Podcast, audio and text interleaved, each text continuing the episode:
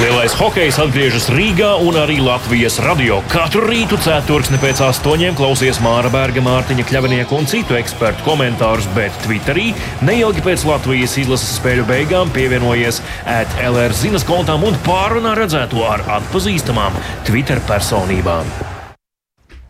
Labrīt, Latvijas radio klausītāji, Mārtiņš Kļavinieks un Mārs Bergs studijā, un hokeja studija ir sākusies. Labrīt, Māri! Labrīt, Mārtiņ! Sveicināti klausītāji vēlreiz!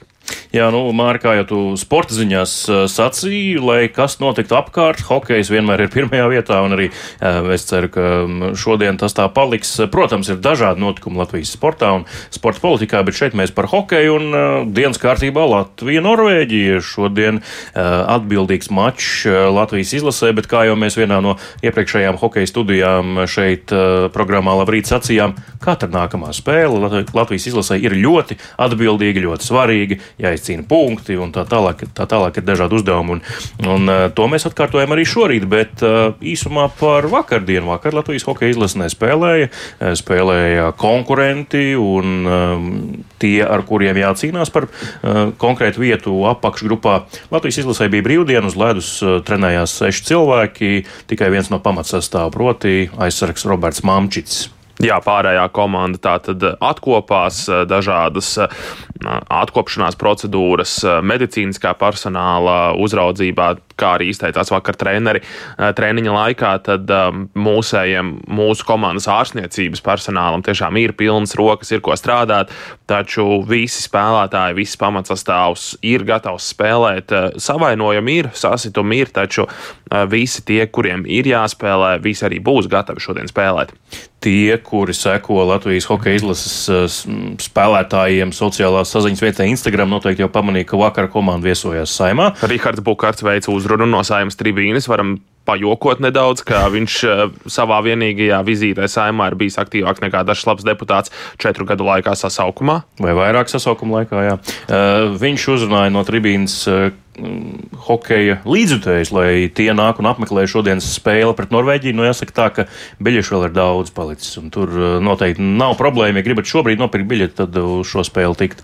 Jā, jā, neesmu godīgi sakot, apskatījies, cik daudz biļešu ir. Taču, ja neizdevās izpārdot spēli pret Čehiju, kur bija arī daudz čehu līdzutēju, tad um, nešaubos, ka biļešu tik tiešām ir pietiekami daudz. Norvēģi līdzutēji arī Rīgā ir.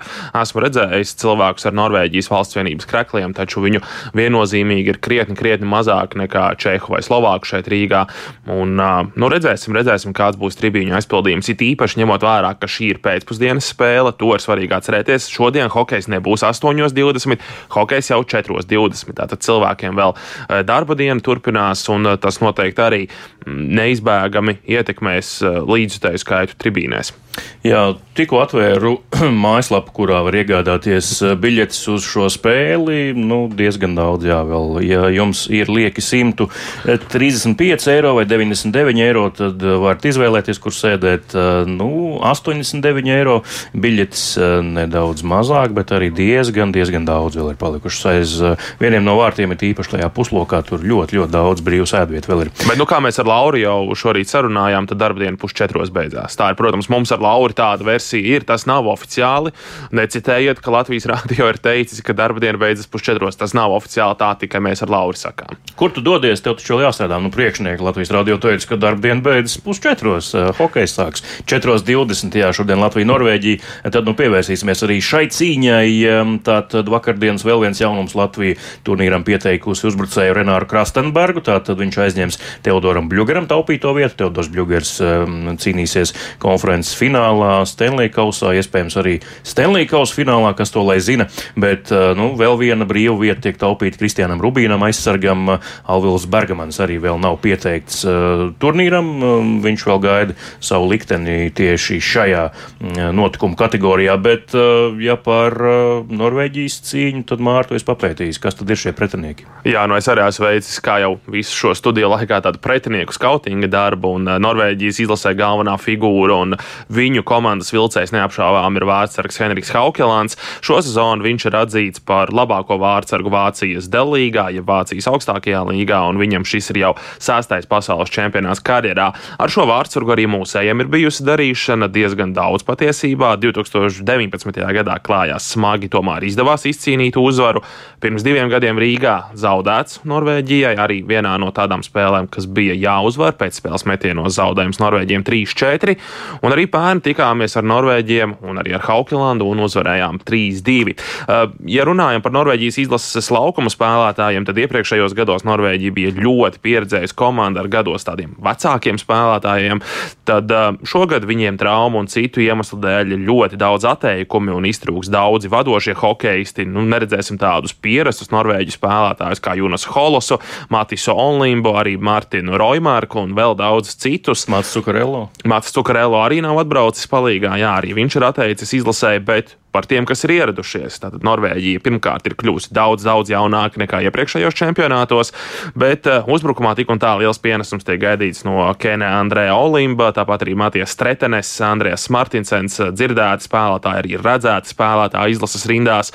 Aizsargu līnija Norvēģiem gan ir ļoti jauna. Vecākais uz Rīgu atvestais aizsargs ir tikai 27 gadus vecs. Parasti aizsargi tomēr ir mazliet pieredzējušāki, gados vecāki, tīpaši tādi vadošie aizsargi. Bet uh, starp aizsargiem Norvēģijai ir divi NHL draftāti hokeisti. Viens no tiem ir Emīls Lielbergs. Mēs viņu esam izcēluši jau arī iepriekšējos gados šajās hokeja studijās. Un vakar pret, pret Sloveniju Lielbergs uz ledus pavadīja 26 minūtes, kas ir milzīgs spēles laiks, un arī aizsargam, kuri parasti spēlē vairāk, arī Tas viņiem 26 daudz, minūtes ir daudz. Jā. Par uh, rezultatīvitāti viņiem ir tikai 4 vārtu guvumi 3 spēlēs. Tas nav daudz. Un rezult... arī tikai ielaist, kas arī nav slikti. Jā, vai septiņi. Septiņi, četri pret Kazahstānu, trīs pret Šveici. Nu, Pēcspēles metienu vārtus jau neskaita. No, tur bija trīs pamatlaiki. Bet, nu jā, jebkurā seši. gadījumā maz iemet, maz ielaiž. Rezultatīvākie ar diviem punktiem katrs ir Mihails Hāga, iepriekš minētais arī Tretenes un tāpat Matijas Norsbols. Šie, tā, šie tā tad ir hokeisti, kuri līdz šim ir vairāk izcēlušies, un no viņiem tad arī būs mazliet vairāk jāuzmanās šodien. Jā, nu, bet skaidrs, ka iespējams, ka nu, mēs te tā izsakām hipotēzi, to nevaram apstiprināt nekādu pētījumu rezultātā, bet uh, vismaz tā m, apkārt valdošā sajūta ir, ka Latvijas hokeja līdzstājs to uztver tā. Tā tad tagad Norvēģija, nu, trīs punktu tabulā, pēc tam Kazahstāna, trīs punktu tabulā, pēc tam Slovenija arī trīs punktu tabulā. Tā nebūtu to nedrīkst uztvert. Šīs visas komandas ir nopietnas, profesionāls, spēlē augstākajā divīzijā, un māri ir ieskicējušos zaudējumus, kas arī ir bijuši ne, nemaz netik neseni pret Norvēģiju. Norvēģiju, piemēram. Tāpēc, piemēram, Latvijas hokeja izlases aizsargs Oskars Cibuļskis arī uzsvēra, ka šos turpmākos trīs pretiniekus nevajag uztvert šādi kā pastarīšus, kas jāapspēlē un kur vienkārši eh, jāierodas laukumā un jāpaņem trīs punkti. Oskars Cibuļskis. Negribu teikt, eh, zemāka rangi vai kā. Eh, šī ir A grupa, visas komandas ir augsta līmeņa komandas. Mums jāgatavojas, protams, ir nopietni, ka pretinieks būs arī spēcīgs, arī ātrs. Un, un, un, un, nu, mums ir jāgatavojas pavisam nopietni. Ļoti daudz šodien džeku bloķēja metienus, un tas ir savā veidā arī iespējams viens no panākuma atslēgām.